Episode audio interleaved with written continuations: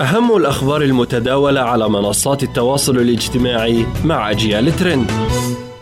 أهلا وسهلا بكم مستمعي ومستمعات أجيال هذا أجيال ترند معكم حنان محبوبة. يخيم هدوء حذر على محافظات الأردن بعد مقتل ضابط وإصابة 49 آخرين على خلفية الاحتجاجات التي شهدتها المملكة منذ مطلع الشهر الجاري للمطالبة بتخفيض أسعار المحروقات.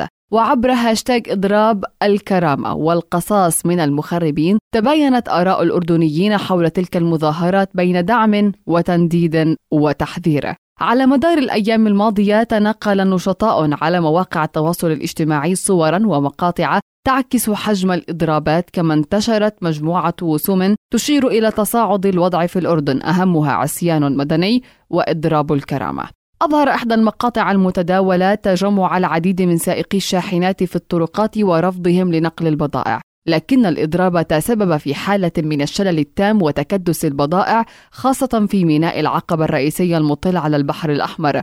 وترتب على ذلك انقطاع الإمدادات من السلع الأساسية نحو الأسواق بحسب ما ذكره إعلاميون ومغردون على موقع تويتر.